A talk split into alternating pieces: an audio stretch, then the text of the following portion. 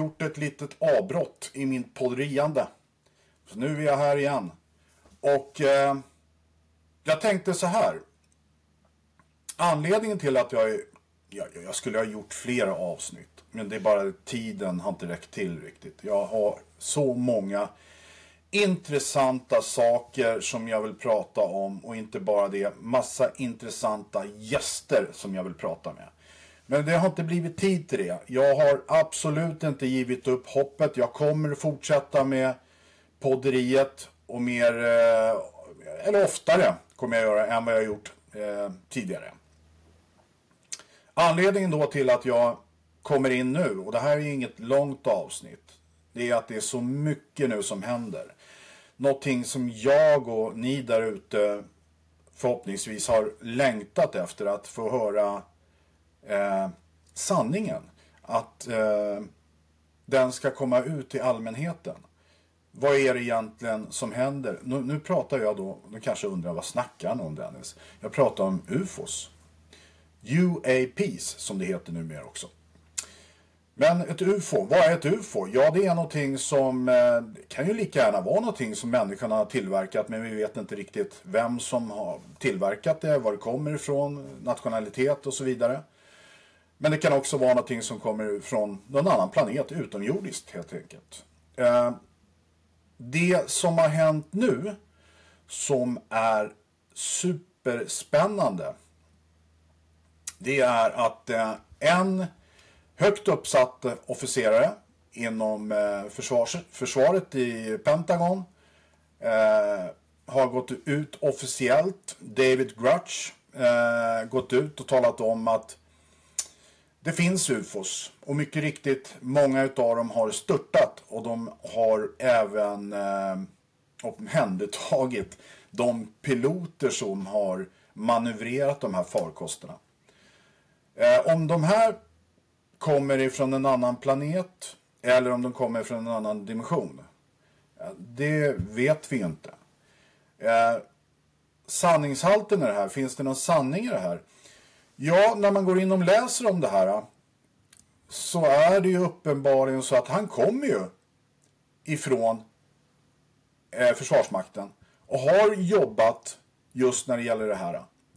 Eh, och det, det och, och vad skulle han tjäna på att gå ut och ljuga om det här? Vad vinner han på det? Uppmärksamhet, men vad, vad mer än det? Nej, jag tror att vi, vi börjar närma oss sanningen helt enkelt. Jag tror att det är fler nu som kommer att öppna upp och berätta om deras erfarenheter och vad de har varit med om. Och vad de har varit tvungna att vara tysta om under väldigt, väldigt lång tid. Det är ju våran rätt som människa och människor att få veta vad som händer runt omkring oss. Om vi nu har ledare som eh, ska leda oss och omhänderta oss på ett bra sätt för vårt eget bästa då borde det ändå vara så att de också är sanningsenliga. Att de berättar vad som händer runt omkring oss. Inte bara här på jorden, runt omkring i hela universum. Om vi vet någonting om det. Och vet vi något om det, då, då är det med all rätt vi ska veta vad som händer. Det som händer nu är någonting stort. Jag eh, fick uppleva någonting 1996. Folk kan, nej men folk, ni kanske har redan lyssnat på det. På ett avsnitt där jag berättar om eh, min upplevelse 96 när jag bodde i Sundbyberg.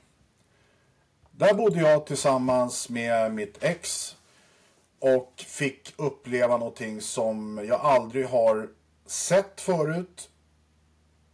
Och det förändrade helt och hållet min, min syn på det här med ufos.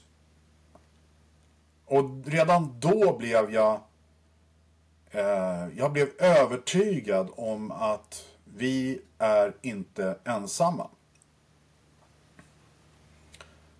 Det var en eh, situation, den, den sitter som brännmärkt i eh, själen på mig. Och jag har svårt för att glömma. Alltså det blir snarare tvärtom. Hela tiden så, så analyserar man situationen. Och man analyserar sig själv också. Eh, och det har jag inte slutat med. Då kan ni tänka dig, det här är 96. Det är bra länge sedan. Vad var det egentligen som hände där? Vad fick jag uppleva? Och även fast vi pratar kanske bara om 13-14 sekunder så känns det som att det var flera minuter jag fick uppleva det. Och samtidigt när jag upplevde det här så blev jag arg. Eh, jag kommer ihåg, jag blev, jag blev jättearg för att jag inte förstod vad jag såg. Eh, och när jag, bara när jag börjar prata om det nu så kommer jag tillbaka till den här situationen när jag, när jag stod där vid fönstret och ja, först satt jag, eller egentligen i grund och botten slog jag i sängen eh, och vaknade av någon anledning som jag än idag inte vet varför. Men jag gjorde det, vaknade upp. Tidigt, tidigt en morgon, solen var på väg upp. Och jag tittar ut genom fönstret, sittande i sängen. Och fönstret vetter mot eh, Ursvik då, Försvarets forskningsanstalt som ligger eh, i Sundbyberg. Och det är två och en halv, tre kilometer från mitt fönster till, till Ursvik då, där jag ser det här eh, föremålet. Eh, och det var ingen liten grej heller så att jag minns det så väl. Att jag, jag reste på mig till slut och, och bara blängde på det här. Och, och den känslan jag fick, den var, den var lite obehaglig. Men samtidigt så eh, så försökte jag analysera det, men, men jag, jag, det blev kaos när jag tittade på det här. Och som jag har sagt förut till, till många att ja, det, det var ingen fågelskit på rutan framför mig. Jag hade ett stort, stort fönster framför mig. Och jag hade då ett stort, stort föremål som hovrade över Ursvik. Och då pratar vi 96. Nu har det ju hänt en hel del i Ursvik. Men på den tiden då, då fanns det en militäranläggning där och jag tittade då över militäranläggningen. Det området. Och det, det var där den var. Och då fanns det också ett mellanrum så att jag såg eh, under, man säger. Och så ovan var det ju himmel. Och under ja, där såg jag i skogen och hela. Så att det var ingenting som hade landat eller något sånt där. Det, det var stationärt över Ursvik. Inga lampor. Inget ljud. Nu var jag en bra bit därifrån, men det var ingenting jag hörde. Och eh,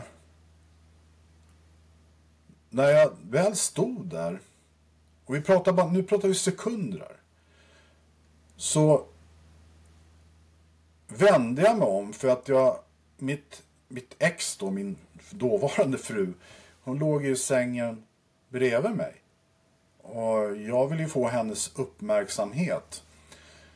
Och, och det fick jag ju genom att jag stod där i fönstret som en fågelholk och bara Vad fan är det där? Vad, vad i helvete är det där? Och då kan du tänka det här är tidigt på morgonen. Eh, och normalt sett, jag är en cool kille. Jag får inget liv. Eh, och jag vände mig om. Och jag kommer ihåg att hon, hon vände sig om också. Tittade på mig med stora ögon ungefär. Vad, vad är det för fel på dig då? Vad har hänt? Var, var är det nu? Och jag... Ja, vi tittar på varandra någon sekund eller två. Och så vänder jag tillbaka blicken för att få henne att förstå att det är någonting utanför som du bör titta på. Och när jag tittar ut igen så, så är det fortfarande kvar. Eh, och det, det står så här. Det ser ut som en, en korv. En orange, brun, mörk korv. Jag eh, ställer mig upp, kommer jag ihåg, med händerna på, på eh, hyllan, eller där man har krukorna om man säger så. Jag kommer ihåg vi har en staty där på sidan också med, med någon kvinna. Eh, och jag tittar ut genom fönstret och så, vad är det för någonting? Och försöker verkligen fokusera blicken på det. Det som händer då, som gjorde att jag bara frös till is och fick så här knotter på kroppen och håret bara stå på mig. Nej, men, fick mig att få riktig puls, om man säger så. Det var... Hur ska jag förklara det? Ja, jag tar, jag tar en rulle tejp eh, isoleringstejp. Jag ser det ju så här. Från början. Det som gör att jag verkligen hajar till. Det är när den reser på sig så. Här under då blev det genast mörkt. För solen kom inte på den här ytan. Och det, vi pratar ju stort. Det här är Ja, det är så svårt att svara på. Kan det vara 600 meter i diameter? Kan det vara 700, 800? Kan det vara 400? Jättesvårt. Jag kommer ihåg efteråt att vi åkte dit. Eh, jag åkte dit med mina grabbar och vi tittade efter referenspunkter och så vidare. Eh, för jag blev ju besatt utav det här. Innan dess, jag menar UFO, vad, vad är det? Jag hade karriär att tänka på, jag hade mitt liv, pappa, eh, affärer. Eh, inte fanken gick jag och tänkte på UFO. Mer än att, precis som många andra, titta på science fiction-filmer och tycka att det, ja, men det är kul och ballt. Men inte tänkte jag på sådana grejer. Men den här morgonen så fick jag se någonting som som hovrade över Ursvik. Och sen gick det bara upp så här. Och jag, jag fick ju som sagt vad som jag nämnde en chock det var då jag förstod att det här föremålet lever. Det rör på sig. Och bara någon sekund eller två eller tre sekunder efter det sker så, så ja, hur ska jag förklara det? Den var så här och sen bara pang! Och det sa inget pang, det, ni förstår vad jag menar. Den bara som jag har förklarat förut, det är ungefär som någon kastar en frisbee mot dig, mot ansiktet. Men den står kanske bara på fem meters avstånd och kastar den här frisbeen så blir det så här. Och jag kommer ihåg att den, den, den flyger då uppåt, snett uppåt mot Stockholm, eh, Solna-hållet, mot stan till. Och jag hade en balkong som vette mot eh, Löt nej nu ska jag säga, Råstasjön. Eh, och man ser ju Hagalund och Solna därifrån. För vi bor ju högst uppe. Gör då på det här, i det här huset. Och jag springer över sängen. över min fru. Hon är vettskrämd. Vad är det som händer? Hon säger ingenting, men hon, hon är, ser... Jag, jag kommer ihåg att hon, hon eh, tittar på mig och bara, vad är det som händer?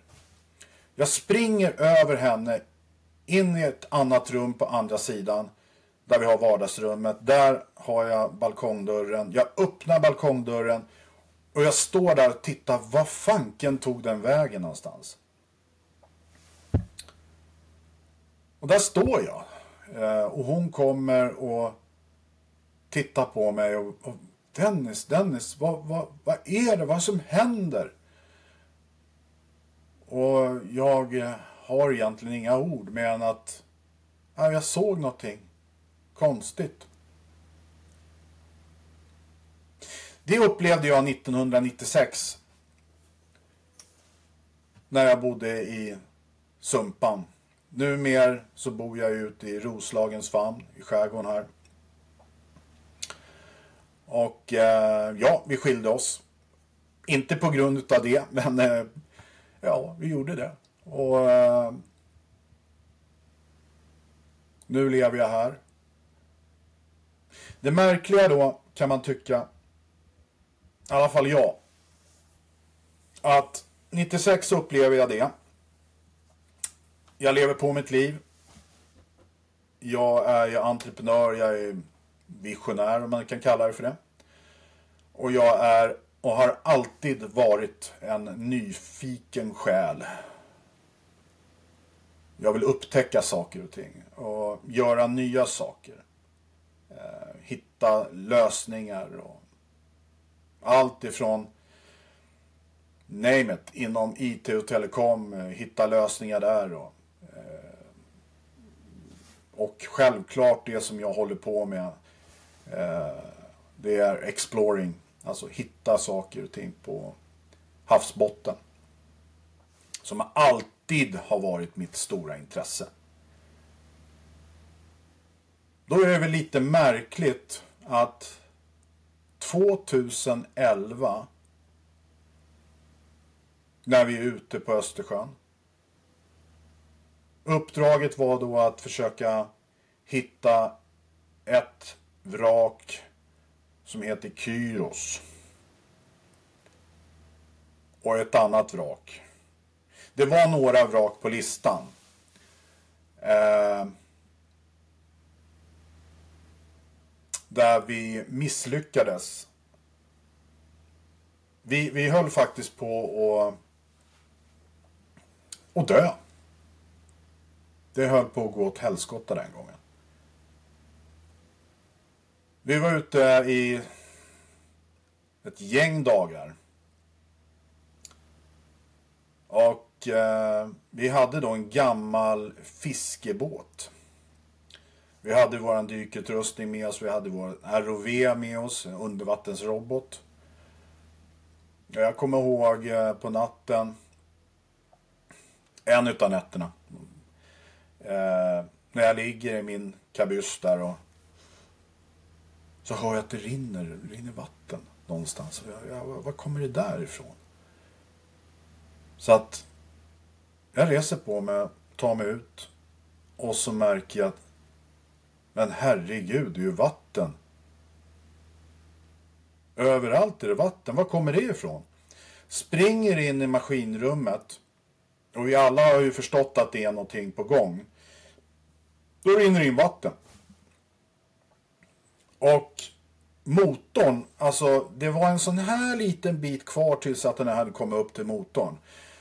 Hade den kommit upp till motorn så hade vi fått blackout. Det innebär att allting hade bara slång, slocknat och vi kunde inte använda länspumpar eller någonting.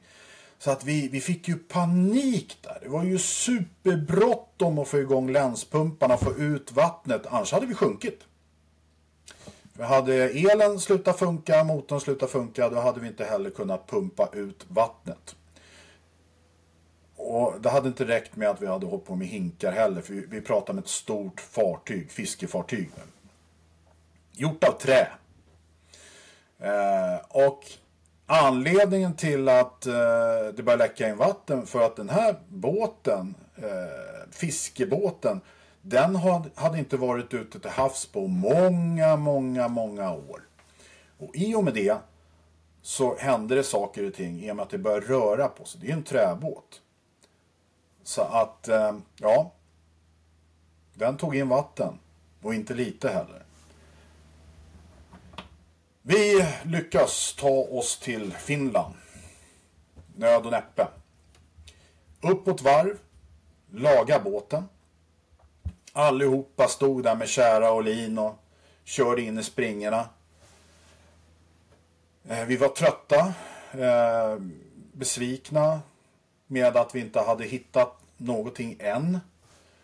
Eh, men vi gav inte upp. Vi, vi hoppades ju givetvis på att vi kunde laga båten och komma ut igen till havs och fortsätta vårt sökande efter de här specifika vraken. När vi var klara med båten och tog oss ut igen så hade vi ett sökmönster som kan, man åker zigzag och så har man så här side scan sonar efter båten. Och vi såg att där är ett vrak och där är ett vrak. Och, ja, men det är inte det vraket vi söker efter. Alltså det är ju jättemycket skeppsvrak på Östersjöns botten. Det är otroligt många. Men ingenting som påminde om de vraken som vi sökte. Och då tittar man på längden och man tittar på bredden. Och, nej, det var ingenting som stämde. Till slut så bestämde vi oss för att vi, vi söker ett helt nytt område där vi aldrig har varit förut. Så att vi sätter kurs dit. Och eh, slänger i den här zonen som åker efter båten. Som, som tar en bilder, om man säger i realtid, över botten. I tvådimensionell bild, inte 3D. 2D. Det innebär att man ser från och neråt så kan man ju se om det är en sten eller om det är en fartyg eller en båt. Den skickar vi ner. Och så kör vi det här sökmönstret i den här, det här nya området. Då. Eh, när vi väl kör där, klockan är natt. Ett, två på natten. Vi är trötta som tusan. Men vi, vi känner så här, vi, vi söker av det här området nu så att då har vi det klart och sen kan vi åka hem. Och slicka våra sår efter att ha misslyckats. Men vi åker där och så rätt som det är så dyker det här äh, föremålet upp på våran skärm. Och den tuggar sig, man ser så här mer och mer och mer och mer och mer utav den. Man ser det här långa släpspåret som jag kallar det för. Och sen ser man också det här runda föremålet. 60 meter i diameter. Rakt nedanför. Det var märklig känsla. Jag kommer ihåg Peter och Floris och jag. Vi satt där och tittade på varandra och Peter han skrattade lite. Det är ett ufo. Och, och jag fick en sån här uh, flashback. Sån här, vad händer nu då? Vad är det här? Och började tänka på det där som hände 96. Och det var märkligt. Jag kommer ihåg vi tittade på det där. Vi tog fram våra mätinstrument och började mäta så här, diameter på den och längden och spåret och allt det här. Och vi blev inte kloka. Alltså vi, vi, vi satt ju hela natten där och pratade med varandra. Men vad då? Vad tror du? Har du sett något liknande? Nej, jag har inte sett något liknande. Nej, men vad, då? Vad kan det vara? En vulkan? En Meteorit? Vad, vad kan det vara? Det, vad är det för någonting? Som är så stort också. Eh,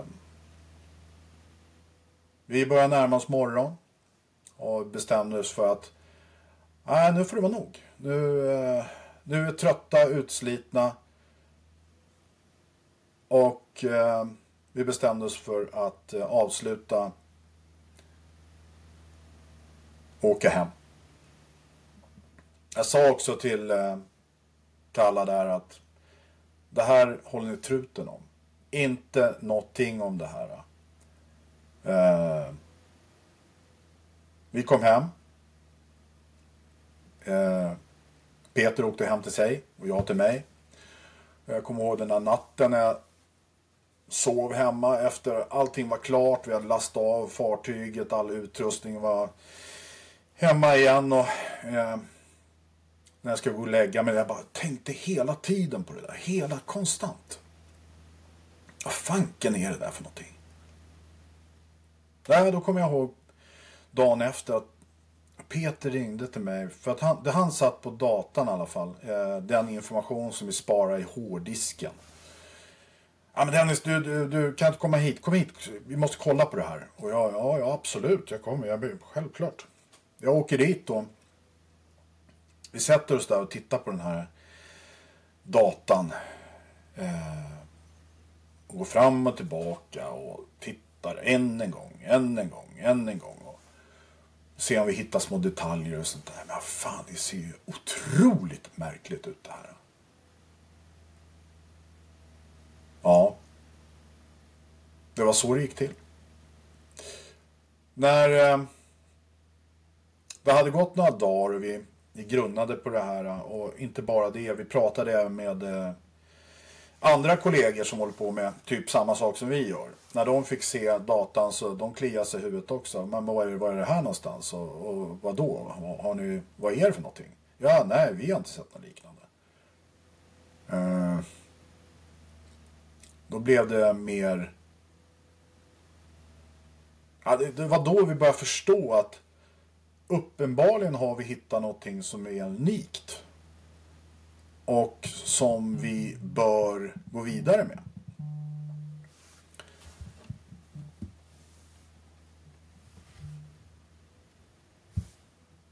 Så att... Eh, nu ringer det här också. Eh, jag får vänta. Så att vi, vi eh, bestämde oss för att eh, göra någonting åt det.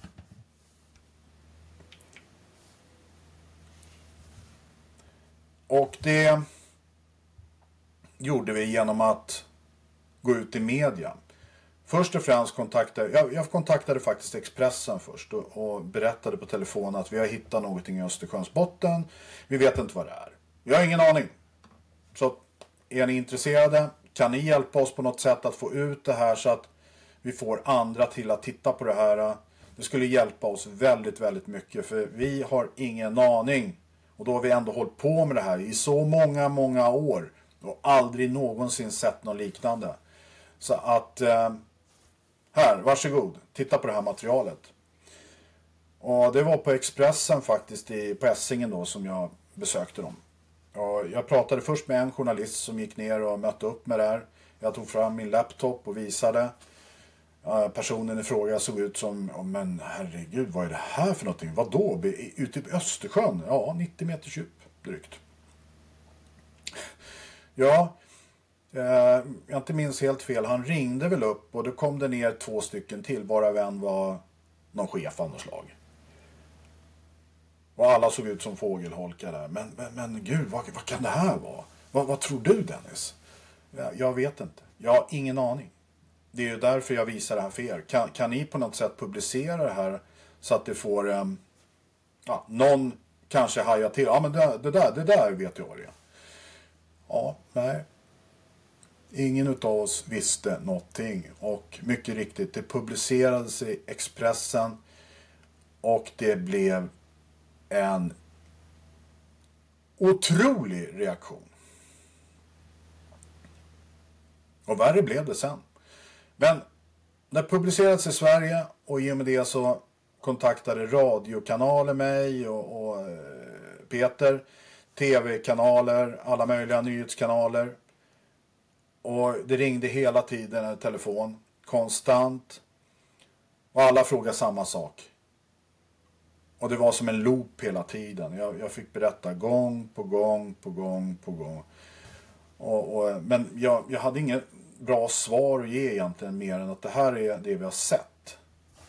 Det här är det vi vet nu. Men eh, Vad det är för någonting? Nej, ingen aning om.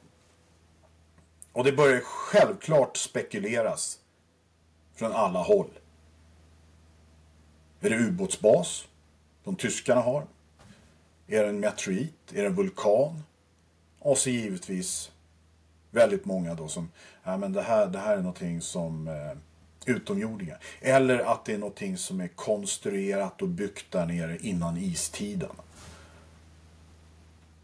Det, det var det jag fick ifrån väldigt många människor via mail. Eh, ja, vad är det för någonting vi har hittat? Än idag, 2023, vet jag inte vad vi har hittat. Men jag vet så mycket att det som har hänt där ute, inte bara med, genom att vi har sett det, att vi har dykt på det, alla de upplevelser som vi har varit med om där är inte normalt. Det är inte normalt. Det är inte normalt att en ROV, en undervattensrobot, eh, går basurk. Alltså eh, slutar fungera normalt. Det är inte normalt att kamerasystemet och lampor på eh, ROVn eller våra dykare slutar fungera. Eh, det är så många saker som har hänt. Och inte bara det när det gäller elektroniken och det här som störs ut. Vi har även när vi har varit på väg dit så har vi haft eh, eh, orkaner, om man säger, eller tyfoner och blixtrar som har slagit ner där. Eh, och vi har varit ute på plats precis ovanför det här eh, föremålet och haft radarn igång och ser saker och ting i radarn som är runt omkring oss men som inte syns visuellt med ögonen. Alltså vi ser inte dem. Det är eh, ghosts, alltså som eh, saker och ting som dyker upp och förflyttar sig runt fartyget. Men vi, vi ser dem inte. Eh, och inte bara det, när vi har varit ner med ROVn och försöker åka fram till det här stället så är det precis som att, ja ni vet ett kompass, det kan ju snurra så här runt. Den, den avvikande hela tiden så att vi kommer inte fram dit vi ska. Och det är jätteviktigt för oss med, med en kompass så att vi vet att dit ska vi åka. För att vi är ju inte där nere på botten. Vi är här uppe. Det är ungefär som ett radiostyrd eh, flygplan eller bil eller båt. Ni vet vad jag menar. Man kör ju här uppe och så har man monitor och så har man kompass. Och så ska man försöka hitta fram till det här föremålet där nere. Eh, men det är precis som att nej, eh, kom inte hit. Och det ger en en annan position. Så att vi hamnar hela tiden fel. Det är många grejer som har hänt där ute. Och sen inte bara det. När 2019 var vi ute igen och vi hade ett gäng eh, ifrån Finland som vi har samarbetat med när det gäller andra dykprojekt. Eh, och det är rätt lustigt faktiskt för att vi pratar om det här med dem och, och de vet ju att ja, grabbarna har hittat grejer där borta i Östersjön och ja. Det är bara en sten Dennis, det är bara en sten. Det är naturligt. Jaha, ja. Ja, men du kanske har rätt. Det kanske är en sten bara. Men märkligt är det i alla fall. Men när vi ändå ska ut och göra saker, ta med er utrustning då, eran ROV, era prylar och så följ med ut och så gör, kan vi åka till det här stället och så får ni göra en bedömning själv vad, vad ni tror. Ja, okej okay då, säger han så här. Ja, det, det, vi, vi kan göra det, men du vet, det är bara sten, det är bara naturligt. Vet du. Ja. Vi åker ut dit. Vi slänger ner deras ROV, deras utrustning. När de kommer ner och tittar på skärmen, vi står bredvid, Peter och jag står bredvid och tittar. Då blir det så, oj, ja, det, det här är man-made. Det här är konstruerat, ja. Ja. Så att även han förstod att det här är någonting som är tillverkat av någon. Och då, då, då kände väl jag, eh, säkert Peter också, men jag kände direkt att fan jag är inte dum i huvudet. Då. Eh, det, här är, det här är uppenbarligen någonting. Nu har en annan sett det som håller på med samma sak och är minst lika duktig som oss på det här. Eh, och då blev jag övertygad, ännu mer övertygad än vad jag var förut, att fan, vi har verkligen hittat någonting som är unikt och troligtvis konstruerat av någon. Men frågan är, vad fan är det vi har hittat?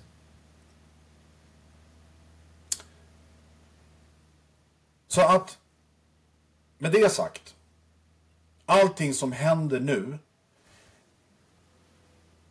med att eh, så, called, så kallade whistlebloware, alltså whistleblowers, kommer ut och talar om att ja, men vi, vi har hållit på med det här i drygt 40 års tid. När det är UAPs och UFOs, vi vet. Vi har till och med eh, tagit hand om UFOs. Och det är inte bara en, det är flera stycken som är förvarade. Eh, och till och med de som har flygit dem, piloterna. Jag menar, när jag får höra det här. Det betyder otroligt mycket för mig. Dels med 96, det som hände. Men också det som hände 2011. Och det jag lever i nu. För att jag kan inte släppa det här. Jag är... Jag är brännmärkt för livet. Jag har gett mig fan på att jag, vill ha, jag, jag, jag kommer göra allt för att få ett svar på vad som, eh, ja, vad är det som händer runt omkring oss. Därför är det jäkligt intressant att grotta i andras erfarenheter också. Och undersöka dem givetvis. Och se vad man kan komma fram till. Så vi har kommit in i en ny tid. Ett öppnande. Och jag hoppas alla de här äh, negativa människorna som bara, nej men, nej, det är bara vi. Det är bara vi. Ja men ja visst, det är några miljarder stjärnor och miljarders planeter, men det är bara vi. Visst, det är bara vi.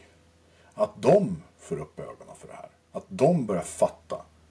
Att, nej men vänta nu, det är någonting. Så att vi tillsammans kan pressa och påverka till att de som sitter på de höga stolarna och bestämmer över oss släpper sanningen.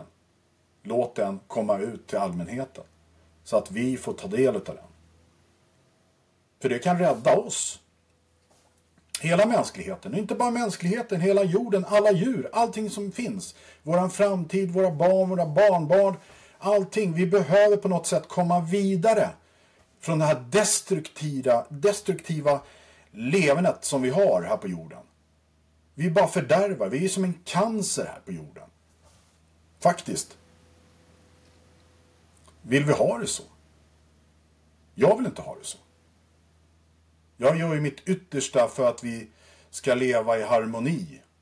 Eh, med livet, med, med människor, med djur, med allt. Men då är det viktigt att vi måste vara ärliga och öppna mot varandra. Och då pratar jag självklart om de ledarna som vi kallar dem för, som ska bestämma över oss och vår framtid. Att de talar om sanningen för oss. Det är märkligt att det ska ta 40 år innan sanningen ska komma ut. Det är mycket märkligt.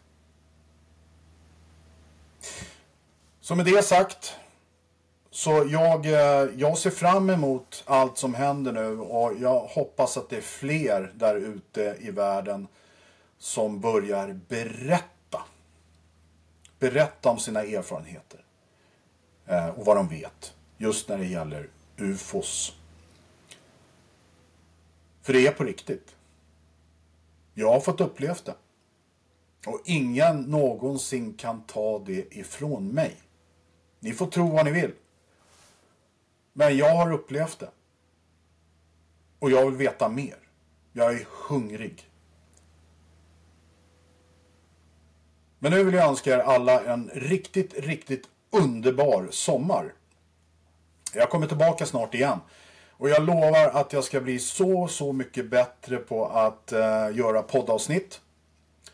Eh, och berätta dels om mina egna upplevelser. Och det är många, många fler än, än det jag har sagt nu. Eh, och eh, även kunna ha intressanta gäster med som öppnar upp sig.